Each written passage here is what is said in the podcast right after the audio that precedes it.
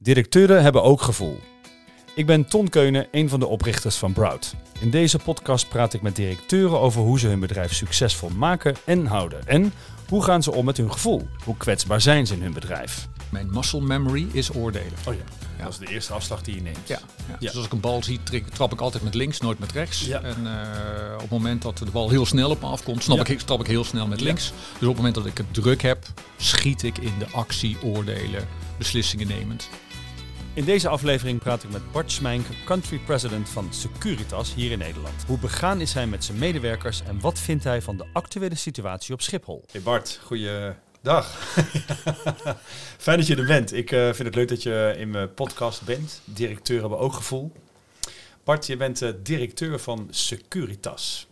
Ja, Dat, ik denk dat wij dat allemaal kennen, dat de luisteraars het ook kennen, maar Securitas is een, hoe zou jij het noemen? Een groot, eh, veel mensen omvattend bedrijf. eh, dat eh, in heel veel takken van de maatschappij probeert te zorgen voor de veiligheid van mensen, klanten, objecten en alles wat je daarbij kunt verzinnen. Ja. Lukt dat goed?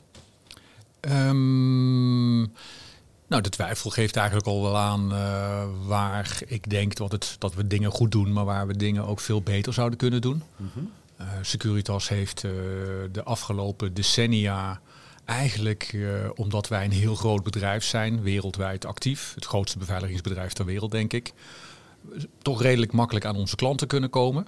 Dat gecombineerd met eh, een arbeidsmarkt die altijd wel aangaf dat er meer dan voldoende mensen waren, Ja. maakte dat we dat eigenlijk heel makkelijk konden organiseren. De wereld van de afgelopen vier, vijf jaar is wel enorm veranderd. Eh, techniek en innovatie speelt daar een hele belangrijke rol. Die maakt het werk van beveiliger ook heel anders. Je Ja. ziet eh, allerlei ontwikkelingen in de maatschappij op het gebied van veiligheid. Hè, de coronacrisis, 9-11, eh, terrorisme, gevoel van onveiligheid in de maatschappij op straat. Ja. Ja. maakt ook wel dat ons vak heel erg aan het veranderen is. En eh, de twijfel bij het begin van het beantwoorden van mijn vraag zit hem dus in het feit dat wij heel erg met een transitie bezig zijn. Eh, en dat maakt dat het soms niet makkelijk is. Nee. Wat ik een beetje hoor in wat je zegt, hè, aan de ene kant veel meer behoefte aan beveiliging. En ook door de era of resignation misschien wel steeds minder mensen die je kunt vinden om dat te doen. Zeker, de arbeidsmarkt eh, is eh, echt enorm in verandering. Ja. Eh, ik denk over de hele linie, trouwens niet alleen bij Securitas, maar bij voorgaande jobs die ik gehad heb, zie je ook een enorme vergrijzing van de samenleving. Eh, we gaan naar een enorm tekort op de arbeidsmarkt toe in allerlei sectoren. Nou, dat betekent dus ook dat je daar op een hele andere creatieve manier mee om moet gaan, waarbij technologie en innovatie een hele belangrijke rol gaat spelen. Ja. Daarbij denk ik dat eh, we van onze beveiligers eh, toch de afgelopen jaren heel erg een eenheidsworst gemaakt hebben. Terwijl in mijn beleving de richting ook wel is dat we ons veel meer moeten richten op wie de beveiligers zijn, wat ze kunnen toevoegen en eh, ook op welke wijze zij hun eigen persoonlijkheid in hun werk kwijt kunnen. Ja. En dat is iets waar we ook wel nog heel veel in te doen hebben. Straks praat ik verder met Bart Smijnk, maar eerst een korte introductie van mezelf. Ik ben Ton Keunen en ik ben directeur van Broud. Wij ontwikkelen leiderschap binnen organisaties op elk niveau.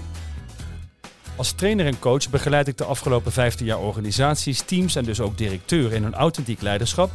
En ik ben inmiddels bekend met hun persoonlijke struggles. Voordat ik begon met coachen en trainen, heb ik jarenlang als human resource directeur binnen verschillende organisaties gewerkt. En ik weet uit eigen ervaring dat een veilige, transparante werkplek begint bij een directeur die kwetsbaar durft te zijn. En dat is voor die directeur, maar zeker ook voor de mensen om hem of haar heen, niet altijd even makkelijk. Om jou en organisaties te inspireren en om het vak van directeur menselijk te maken, ben ik deze podcast begonnen. Voor wederzijds begrip, zodat teams en organisaties transparanter worden en fijn zijn om in en voor te werken. En nu het vervolg van het gesprek met Bart van Securitas. Ik denk dat jij dat wel een beetje weet en dat je daar veel verstand van hebt. Want mij is te oren gekomen dat jij, toen je bij Securitas bent gaan werken, dat jij zelf een beveiligingsopleiding hebt gedaan. Ja, ik ben er nog steeds mee bezig. Ik ben nog steeds niet Oh, nog geslaagd. niet Mijn geslaagd? laatste examen is eh, ergens eh, half augustus. Ja. Ik ben aspirant beveiliger. Nou, ik heb een groene pas. Ja, dankjewel. Ja, Nou, dat vind ik ook echt wel, eh, wel, wel stoer. Tegelijkertijd, als je dat dan doet, besef je ook dat je eigenlijk gewoon helemaal aan de onderkant van de treden van het vak van beveiliger eh, staat. Omdat je eigenlijk gewoon een groentje bent. Uh, beveiligen is heel complex. Ja. En mensen denken dat dat gewoon mensen zijn in een uh, grijs uniform met een V op hun schouder en joh, succes verder. Maar de omgeving waarin je werkt is zodanig anders op Schiphol dan bijvoorbeeld in de Rotterdamse haven, dan op een ziekenhuis, et cetera, et cetera. Dat echt de lokale context heel bepalend is voor de manier waarop je je vak uitoefent. Ja. Ja. En ik vind het ontzettend leuk om zoveel als mogelijk diensten mee te draaien. Ja. Uh, als aspirantje. Om uh, ja, die context van het vak beter te begrijpen. Ja. En ik heb dat altijd wel nodig gehad. Uh, ik ben ook gecertificeerd buschauffeur. Ja, jij bent GVB gezeten, toch? Bij ja. GVB en bij Connection. leuk, bij ja. Connection ben ik buschauffeur geweest. Ja. en in Engeland trein, hoe heet het? conducteur. Nee, Oh, conducteur. Conducteur. Conducteur met openen en sluiten van deuren en controleren van de kaartjes. Dat is geweldig. En daarmee krijg je toch veel beter context, gevoel en inhoud bij wat jouw mensen dagdagelijks meemaken. Zonder dat dat ik de pretentie Ja. heb hè, om Ja. beveiliger te zijn, want dat nee, ben ik echt goed. niet. Nee, maar, dat, nee, maar het, het leuke is, hè, je vertelt daar een heel mooi verhaal omheen, hè, Bart. Maar de- ik hoor dan ook wel heel erg duidelijk dat het dus voor jou belangrijk is om te weten wat er dus gebeurt. Ik zou het niet anders kunnen ja, eh, in, in mijn vak. Want eh, de context waarin mensen werken bepaalt uiteindelijk hun succes en ons succes. ja, En ik denk dat heel veel grote ondernemingen, zoals ook Securitas, dat heel erg eh for granted, eh, ja, sorry dat ik het even het Nederlandse woord niet weet, Ja. for granted hebben genomen. Joh, weet je, één beveiliger heb je ze allemaal gezien, één buschauffeur heb je ze allemaal gezien. Ja. En dat is niet zo. En daar doe je jezelf als organisatie tekort, maar je doet ook je mensen tekort. ja. Irriteert je dat? Eh, ja, omdat ik zie dat we als eh, managers, CEO's, allemaal heel snel die eh, aannames en die impliciete redenatiefouten maken van hoe moeilijk kan het zijn, eh, waarom is dat nou niet goed gegaan. Eh, we, we, we- springen heel snel naar conclusies Ja, en in die conclusies zitten ook heel vaak oordelen. ja, terwijl als je het kijkt vanuit het perspectief van je medewerker, ja. of vanuit het perspectief van de klant, dan zie je vaak een heel ander relief, een hele andere kleur, eh, kleuren. Eh, en daar, ik denk dat, dat het grote, de grote valkuil van eh, eh, functies zoals ik die heb, is dat je dus heel snel werkt met aannames en conclusies. Ik heb daar zelf heel veel last van, ik weet dat van mezelf. En Ja. daarom helpt het mij Oh, ook goed. om dit soort dingen te doen. Ken u zelf, hè, zei het al vaak in Delphi. Dus dat vind ik een hele mooie. Even, Bart, als ik dan even erin ga. Hè, want wat heb jij dan ontdekt toen jij buschauffeur was? Wat was een belangrijke les voor jou om mee te nemen als directeur van Connection of GVB? Wat heb jij daarvan meegenomen? Ehm, kijk, we hadden iets heel concreets eh, bij eh, eh, in de streekvervoer dat buschauffeurs zeiden we kunnen niet plassen. Zo druk hebben we het. En toen dacht ik van ja, joh, hoe moeilijk kan het zijn? Je rijdt 2,5 uur rondje, eh, je kunt wel plassen en je st- stapt weer op die bus en klaar is Kees. Ja, En dus wat ik zeker in het begin deed, is vroege diensten op vrijdag. En dan kwam ik om, eh, begon ik om vier uur 's ochtends. En dan reed je uit de remise. En dan kwam je om twee uur terug op kantoor. En dan ging je nog even vier uur eh, werken. Terwijl je dan al acht uur had gereden. ja, En ik was na een half uur, uur, anderhalf uur op kantoor helemaal, morsdood. Waarom? Omdat het gewoon een intensief vak is. Het beveiliger zijn is een intensief vak. En je denkt eigenlijk van ja, hoe moeilijk kan het zijn?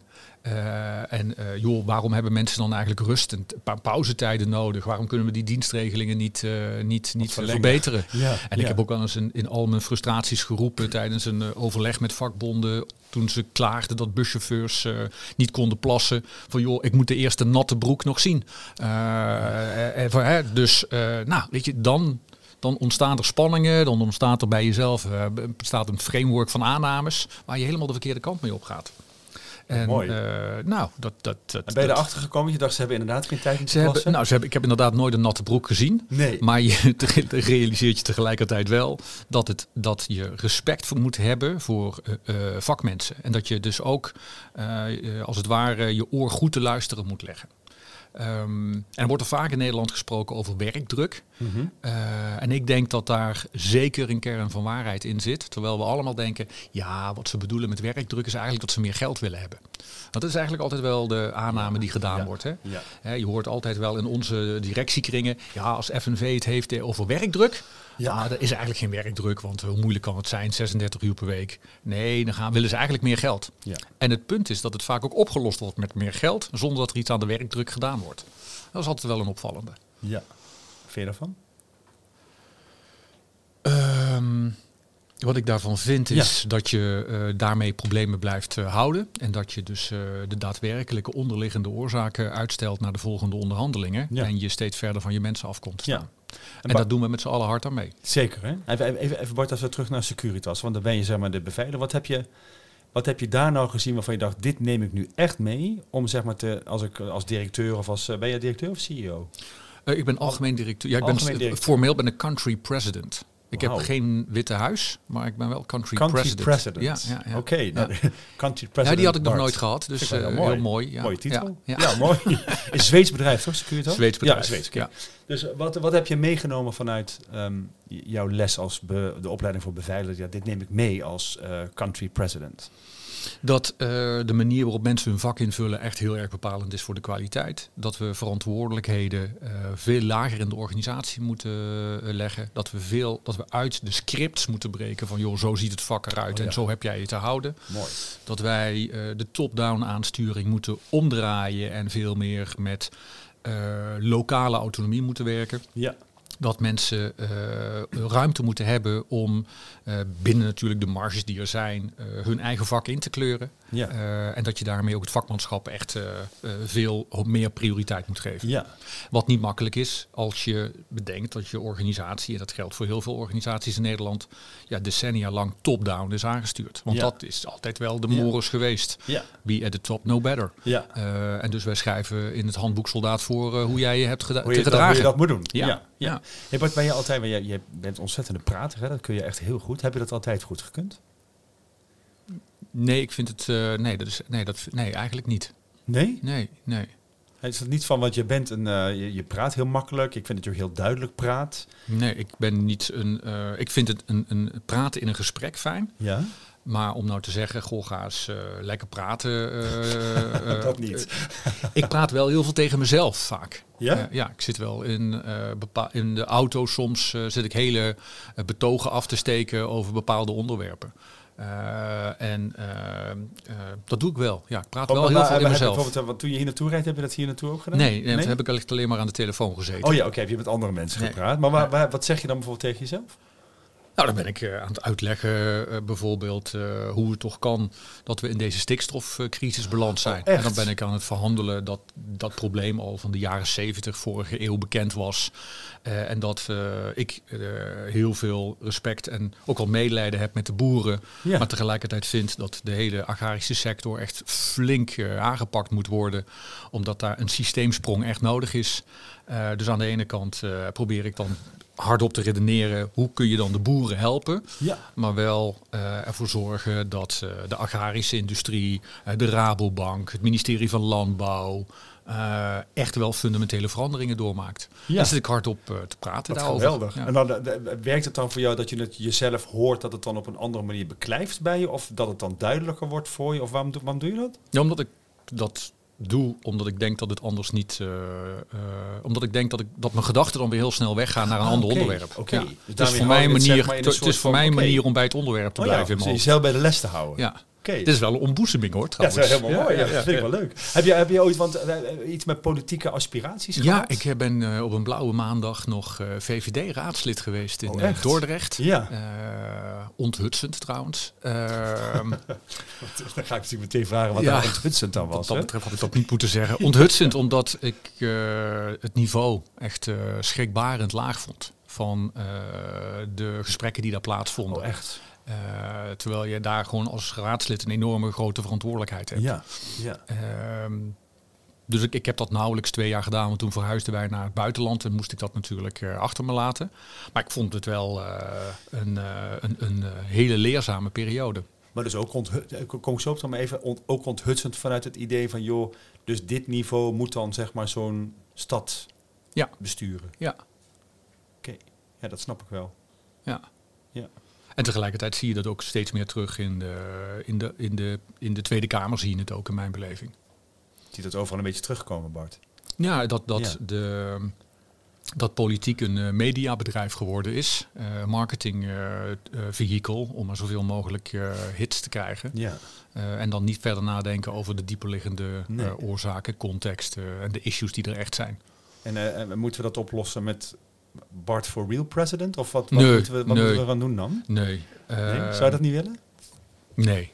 Nee. Waarom niet? Ik denk niet dat ik dat kan. Ik denk niet dat ik daar eh, gepolijst eh, en genuanceerd voor ben om dat te kunnen doen. Nee. En je zei in het begin van het gesprek van, joh, voor mij is het dan handig om op te halen van wat die mensen doen, omdat ik er anders misschien wel vrij snel een oordeel over Ja, heb. ja, Ben jij iemand die veel oordeelt? ik zou graag willen van niet, maar ik denk dat de is realiteit is, eh, van wel. Ja.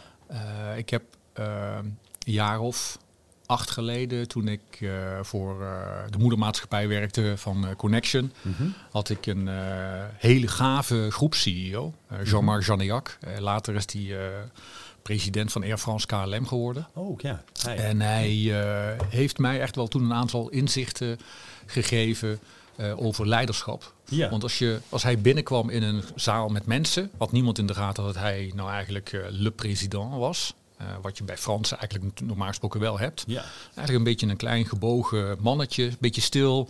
eh, zijn schoenen niet eens gepoetst bij wijze van spreken. En hij was ontzettend sterk in het stellen van vragen. Iets waar ik de laatste tijd ook alweer heel erg mee bezig ben. Eh, hij stelde echt hele goede vragen aan jezelf, waardoor je zonder dat daar een oordeel in zat, in die vraag, ging je daar enorm over nadenken. Dus als ik dan een gesprek met hem had, of een eh, hapje eten, of een kop koffie, Ja. hij, hij was alleen maar vragen aan het stellen. Nooit aan het uitleggen, joh, zo zit de wereld in elkaar en eh, joh, zou je niet eens die kant op gaan, maar gewoon vragen stellen. En eh, dat, dat deed hij verschrikkelijk goed. En natuurlijk, ik, ik ben in de loop van de tijd heel veel mensen tegengekomen die hem ook kenden. Ja. En die kwamen allemaal wel met dezelfde Dat zo observ- fijn vonden. eh, observatie. Ja. Ja. dat en ben jij zelf ook meer vragen gaan stellen in jouw je carrière of in je loopbaan of bij Securitas? Ja, ik, ik- ik gaf net, probeerde antwoord te geven op eh, hoe oordelend ben je. Ja. Eh, ik, ik denk dat eh, mijn, zoals de Engelsen dat zo mooi noemen, mijn muscle memory is oordelen. Oh ja. Ja. Dat is de eerste afslag die je neemt. Ja, ja. Ja. Dus als ik een bal zie, trap ik altijd met links, nooit met rechts. Ja. En op het moment dat de bal heel snel op me afkomt, snap ik, trap ik heel snel met links. Dus op het moment dat ik het druk heb, schiet ik in de actie, oordelen, beslissingen nemend. Eh, en, en is het nu pas nu ik 54 ben dat je denkt, god, stapje terug, rustig aandoen, eh, even nadenken, hoe zit het nou echt? Lukt het? Eh, soms wel, soms niet. Ja. Ja. Want als je dan snel oordeelt, hè, zoals je snel naar rechts gaat, zeg maar. Je hebt een prachtige directieteam om je heen. Eh, Kunnen ze je daarop aanspreken? Ja, ik denk het wel. Ik denk dat we inmiddels wel een directieteam hebben waarbij mensen zich stevig genoeg vinden om eh, mij een schouderduw te geven. Eh, Ja. Net nog eh, in het telefoongesprek. Ja? Eh, Een schouderduw gehad net? ja, Ja? ja? heel prettig. prettig. Ja, prettig. Eh, ik, ik zei van joh, ik vind dat we die en die kant op zouden moeten gaan. Eh, nou, daar ben ik het totaal niet met jou eh, over eens. Eh, en wel hier en hier en hierom. En toen heb ik gezegd, eh, ik weet je wat, eh Henrike was het, eh, je hebt gelijk. Eh, go for it. Oké. Wat mooi. Heb je dat moeten ontwikkelen dat je dan, zo, dat je dan kan zeggen van... joh, Enrique, je hebt helemaal gelijk. We gaan dit zo doen zoals jij zegt? Of heb je dat altijd wel een beetje gehad? Nou, ik voel dan nog steeds wel iets in mijn buik van, Van weerstand, hallo. eh, ja. Ja, En wat zegt die buik dan? Zegt hij dan, ik ga hierover? Of wat zegt die buik dan? Mijn buik zegt dan, die, die, die, die geeft dan een, een, een, een bepaalde, bepaalde tint van verlies. Zo van, Ah, eh, oh, je, hebt, je hebt hier eh, back off. Ja. Ja, ja, je, je, hebt, je hebt geen gelijk. Ja. Nou, ik vind, ik vind het eigenlijk wel heel mooi dat je dat zegt. Ik heb, eh, ik heb een, een post geschreven over... ehm ken je het boek What Got You Here Won't Get You There? Nee. Nou, het prachtig boek wat eigenlijk heel erg gaat over het moment dat wij succesvol zijn als directeur of als country president, Mhm. dan eh, betekent dat dat we ons goed gaan voelen over, nou, daar krijg je zelfvertrouwen van, maar andere be- bepaalde overtuigingen groeien ook. Namelijk dat je altijd van waarde moet zijn of dat je altijd iets moet brengen naar datgene wat de organisatie nodig heeft, waardoor het soms kan voelen dat als iemand zegt we gaan het zo doen, dat dan dat dingetje bij jezelf niet aangaat, waardoor je, ik ben nu niet van waarde geweest. Is dat het ding wat je bedoelt? Nou, ik had dat boek kunnen schrijven. Oh ja, dat hoor ik. zal het voor je ik ben een hele slechte schrijver hoor trouwens. Maar mij, eh, eh, ja. boek. Ja, ik ga het Ja. voor je kopen. Ja. Nee, dat is zeker waar. Je hebt, ik ik ben opgevoed met één hard werken, twee, eh, het kan altijd beter. Mhm. En, en daardoor denk ik ook het gevoel hebben dat alles wat je doet moet kloppen. Ja. Ehm, terwijl natuurlijk het proces om te komen tot bepaalde afwegingen veel belangrijker is dan Ja. eh, alles wat ik zeg eh, is raak en moet kloppen. ja. Dat, betekent, dat zou ook betekenen dat je dus af en toe wat streng voor jezelf bent. Die, ik denk het wel, ja. Ja. Waar, waar, waar uitzicht dat in? Waar ben je streng op bij jezelf? Ik, ik denk dat als je aan mijn directe omgeving zou vragen, eh, joh, hoe zit die in elkaar? Dan eh, ben ik wel ja, streng voor mezelf. Het is nooit goed genoeg. Het kan altijd, ik kan altijd harder werken. Eh, het kan altijd een tandje beter. Ja, Mhm. ja, dat. En wat doet dat met jou? Dat dat zo is? Dat ik eh, het lastig vind soms om eh, te temporiseren. Ja. Dat ik slecht om kan gaan met positieve feedback. Misschien zelfs ook wel met feedback in zijn algemeen. Mhm. Omdat eh, de radiomannetjes hebben daar trouwens... eh, ik weet niet of jullie die kennen, de radiomannetjes. Nou, vertel Dat eens. je eh, echt een heel goed stukje is dat. Ik raad iedereen aan om dat op te zoeken. Mhm. gaat over positieve kritiek. Ja. Ik kan heel goed tegen kritiek. Maar het moet wel positieve kritiek zijn. Het is een ontzettend grappig stukje van Hans Steven. Als jij me dat stuurt, dan krijg jij dat boek van Ja, is goed, Ja. is goed. Maar eh, ja, feedback is eh, altijd alle tekeltjes zeggen, ja, is een cadeautje, moet je uitpakken en zo. Ja. Ja, het is goed eh, met jou. Bij, bij feedback denk ik altijd van, hmm, wat betekent dit? En dat zou betekenen dat, dat je dus af en toe moeite hebt met ontvangen. ja, zowel positieve als negatieve Ja. feedback. Ja. Positief denk ik altijd, ja, weet je, het zal wel. En bij negatieve feedback heb ik altijd de neiging, de eerste neiging om uit te leggen dat ze het toch echt niet goed, eh, bij- niet ja, goed zien. ik- ja, precies. Of Ja. wat je intentie Ja. is geweest. Of dat je overigens, dat, dat is de afgelopen eh, tien jaar wel er een beetje uitgesleten. Ja. Dus je, je wordt als je ouder bent ook verzekerder van jezelf. En dan haal- leg je je schouders op, eh, haal je schouders op en dan denk je, nou ja, weet je, het is wat het is. Zeker. Ehm, Maar dus- dan ga ik je natuurlijk wel vragen, want kijk, op het moment dat je een compliment krijgt, hè, dan ga ik het anders vragen. Waar, waar ben je nou trots op? Als ik een compliment krijg, Nee, even voor jezelf. Waar ben je trots op? En je bent 54 nu. ja, Als je kijkt naar je leven, waar ben je trots op? ik denk wel op mijn gezin. Eh, op, eh, ja, dat eigenlijk. Ja, Ja. ja. Mooie kinderen, desondanks. In de zin van, eh, eh, jeetje, altijd achteraf terugkijkend heb je er genoeg tijd aan besteed en zo. Maar ik heb een toprelatie met de kinderen. Wij hebben dat trouwens, Ja. samen met Marjella. Dat is wel waar ik trots op ben. Ja. En daar gaat het eigenlijk om, hè, toch? Ja. Nou ja, eh, en- wat belangrijk is volgens mij, er is nog nooit iemand doodgegaan waarop staat hij was zo'n geweldige algemeen directeur bij Securitas. Dat, dat staat op Nou ja, laat, laat ik nou de eerste zijn. Dus ja, dat zetten we bij jou wel op. eh, maar even gezin, het is voor jou belangrijk. Hè? Je, bent, je bent laatst met je zoon naar Tanzania geweest. Ja. hè? Ja. gaan fietsen. Ja. Hoe was dat? Super gaaf. Ja? Ja, super gaaf. het grappige was dat eh, je hebt dan helemaal een beeld van die reis. Eh, we gingen fietsen voor eh, Amref, Flying Doctors, hadden veel geld opgehaald. Eh, en gingen dus zelf ook die projecten bekijken. En eh, je bedenkt dan ook eh, van tevoren, we gaan hele goede gesprekken hebben voor het tentje. Eh, ik had al een fles whisky meegenomen. Nou, echt niet. Het is gewoon een kwestie, is een kwestie van proberen de stof een beetje van je af te kloppen. Twee slokken whisky te nemen en slapen. En, ja. en, en, en ontzettend veel jolijt en, en grappen. Halverwege zeiden we tegen elkaar, moeten wij niet ook nog een keer ergens gewoon, gewoon een keer een goed gesprek hebben, behalve alleen maar jolijt lachen en lol. Ja. En toen eh, zei Koen, ja maar juist dat, dat, omdat we dat nu zeggen tegen elkaar, hoeft het helemaal niet. En eh, dat vond ik wel heel mooi. Ja, wat mooi. Ja, ja. Dus dan is het wel gewoon geweest dat je gewoon lekker een hele week bij elkaar bent geweest. En dus bent, nou ja, je noemt het dan gewoon zijn met elkaar. ja. Dat is dus blijkbaar heel goed gelukt. Ja, super. Was echt een hele, was echt een topweek. Ja, echt Ja. een topweek. Ja. En dat doe je dan voor een goed doel. Hè? Heb, jij een, eh, heb je een goed hart? Ik, ik denk het wel. Ik, wat is de definitie van een goed hart? Goed hart. Nou, dat is een, paar dingen kan ik erover zeggen. Eh, meelevend, empathisch, invoelend kunnen zijn eh, en iets voor een ander over hebben. Ja, dan heb ik wel een goed hart. Oké. Ja. Ja, goed. Ja, ja waar ik af en toe twijfel is. eh, ik- denk dat dat eh, eh, enig egoïsme is ons allen niet vreemd. Mhm, en dat is wel altijd wel de, de blinde vlek die we allemaal hebben. eh, als je dit soort vragen krijgt.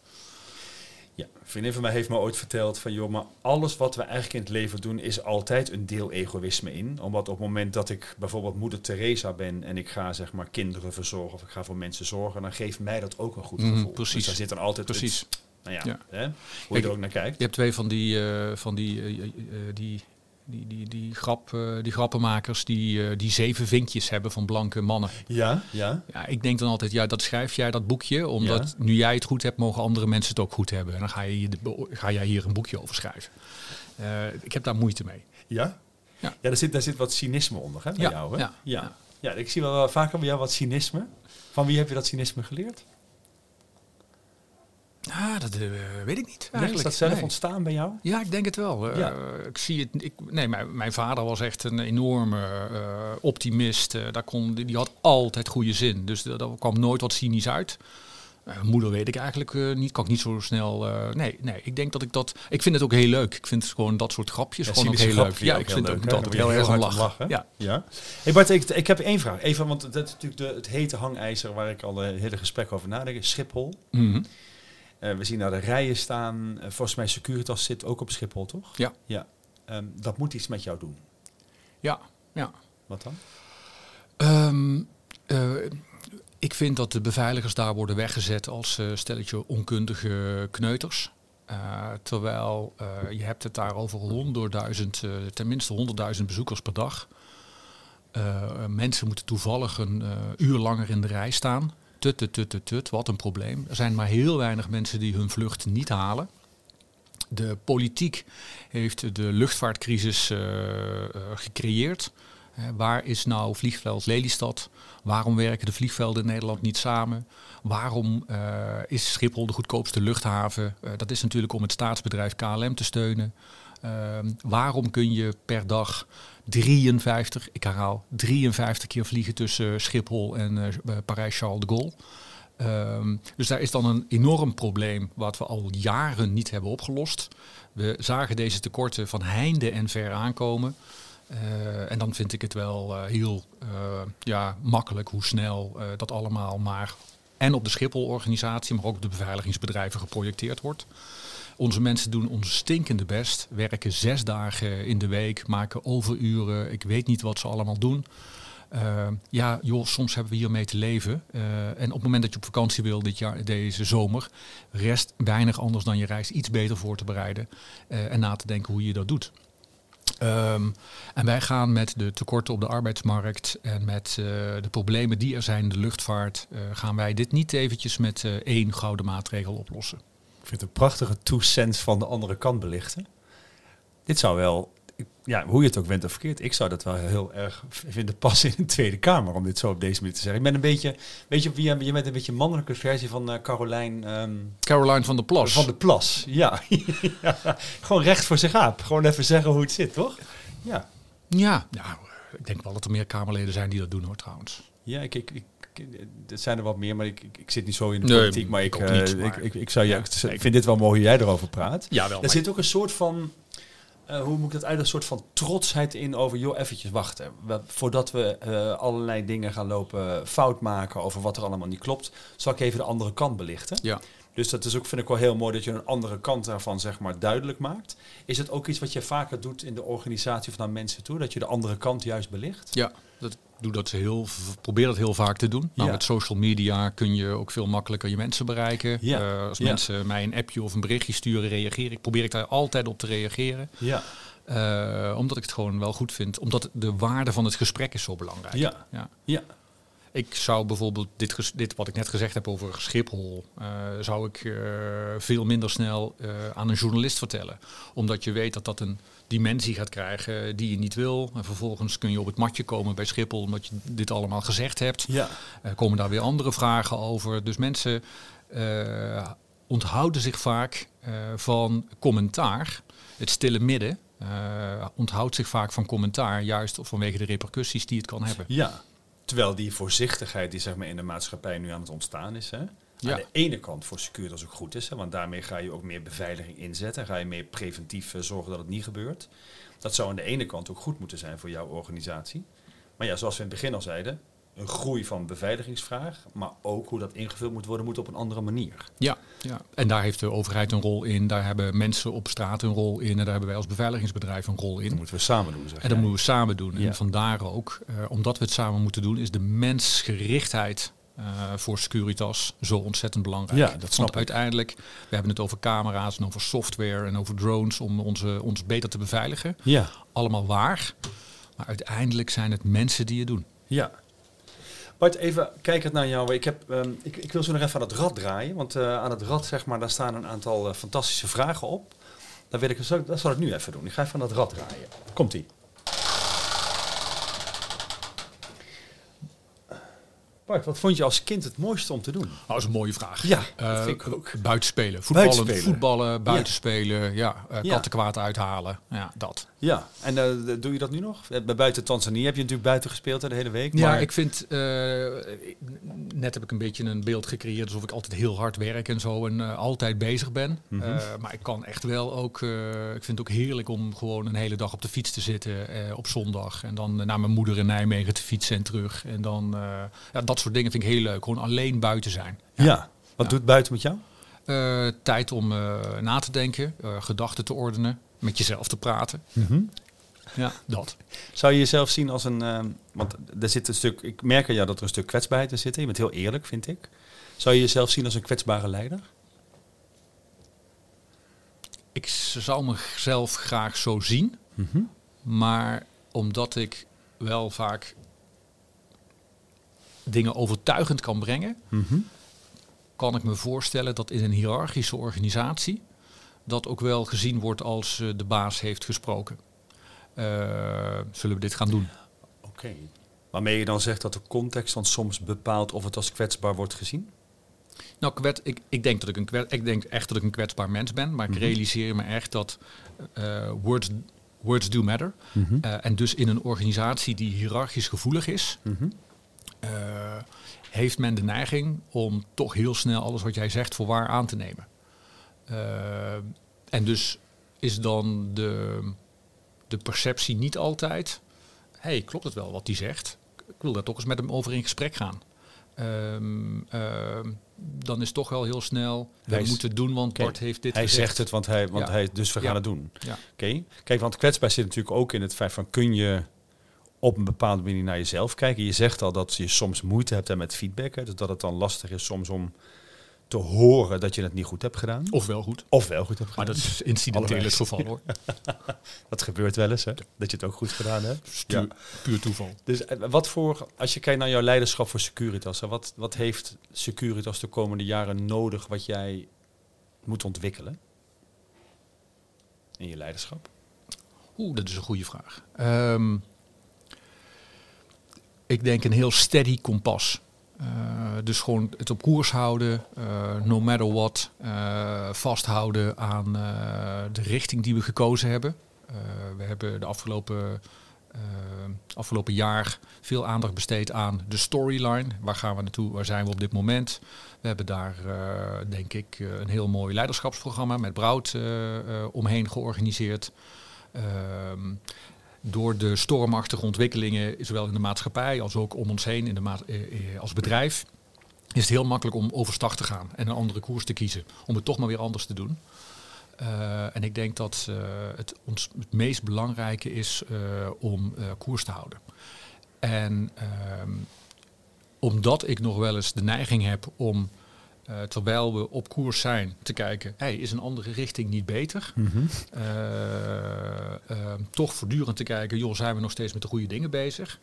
Dat kan in mijn omgeving nog wel eens gezien worden van hij is van koers aan het veranderen. Oh ja. Ja. dus ik moet veel, veel bewuster zijn van wat, ik, wat ik kan teweeg brengen op momenten dat ik in een bepaalde kring tot andere overwegingen kom die tot een andere koers zouden kunnen leiden. Dus ik heb daarin veel nadrukkelijker een balans te kiezen en zorgvuldiger in te zijn. ja. Of dat je dat duidelijk bent in communicatie van, joh, we weten dat we die kant op gaan. Correct. En ik ben Ja. even naar rechts aan het kijken. Ja. Niet omdat ik dat Ja. wil, maar omdat ik even kijk wat er gaande is, zodat we weer verder kunnen. Correct. Dat je er Ja. duidelijk over communiceert. Ja. Hoe, als laatste vraag, Bart. Ik, ik kom natuurlijk best wel eh, veel in jullie organisatie. En ik merk dat daar behoorlijk wat leuke, prettige mensen rondlopen. Hoe komt dat? Eh, omdat ik denk dat Securitas eh, all in all een ontzettend leuk bedrijf is om in te werken. Ja. Eh, ik ehm, voel me ook heel gelukkig met de mensen die we hebben. Ik ben ook al eens bedrijven binnengelopen of bij bedrijven gewerkt waarbij je, dacht... Jeetje Mina, waarom liggen deze zandzakken voor de deur? Ja. Maar bij Securitas heb ik die gêne of die belemmering dat je ergens overheen moet helemaal niet. Nee. Eh, en dat heeft te maken, denk ik, met het feit dat Securitas nog steeds heel veel mensen in eh, huis heeft die het Securitas DNA hebben. Dus als je ze door midden zaagt, zie je Securitas. En eh, Ja. enorm kloppend hart voor het bedrijf. Mooi. Bij GVB was dat ook zo. Ja. En uh, daar zei de ondernemingsraad altijd, ja, GVB is klote bedrijf. Maar het is wel ons klote bedrijf. Ja, precies. Ik vond het altijd ja, verschrikkelijk als ze dat zeiden. Dan denk je, oh jongens toch, doe dat nou niet. Ja. Maar joh, als je dan een afstandje, als je er een afstandje van uh, neemt, dan denk je, ja, het is wel een mooie Ja, vind ik wel mooi, ja. Ik vind de klote familie, het is wel mijn klote familie. Precies, ja, blijft dus vanaf. Precies. Nu echt de laatste vraag, uh, Bart. Dilemma vraag. Werken of koken? Oh, koken. Ja? Okay. Ik, uh, mijn vader is uh, chef-kok geweest. Ja, oh wat goed. En uh, ik wilde heel graag achter het fornuis gaan staan. Ja. En die zei letterlijk, als je dat doet, breek ik je benen.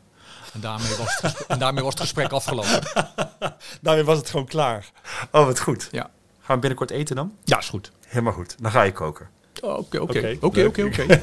Als je durft. Ja, dat is durf ja. ik. Durf hey, leuk dat je er was, Bart. Hey, Ton, dankjewel. Dankjewel. Zit je nou ook te luisteren en denk je, ik ben of ik ken iemand die ook thuis hoort in deze podcast? Laat het me weten via podcast.broud.nl. Ik ben benieuwd naar jouw verhaal. Tot de volgende. Directeuren hebben ook gevoel.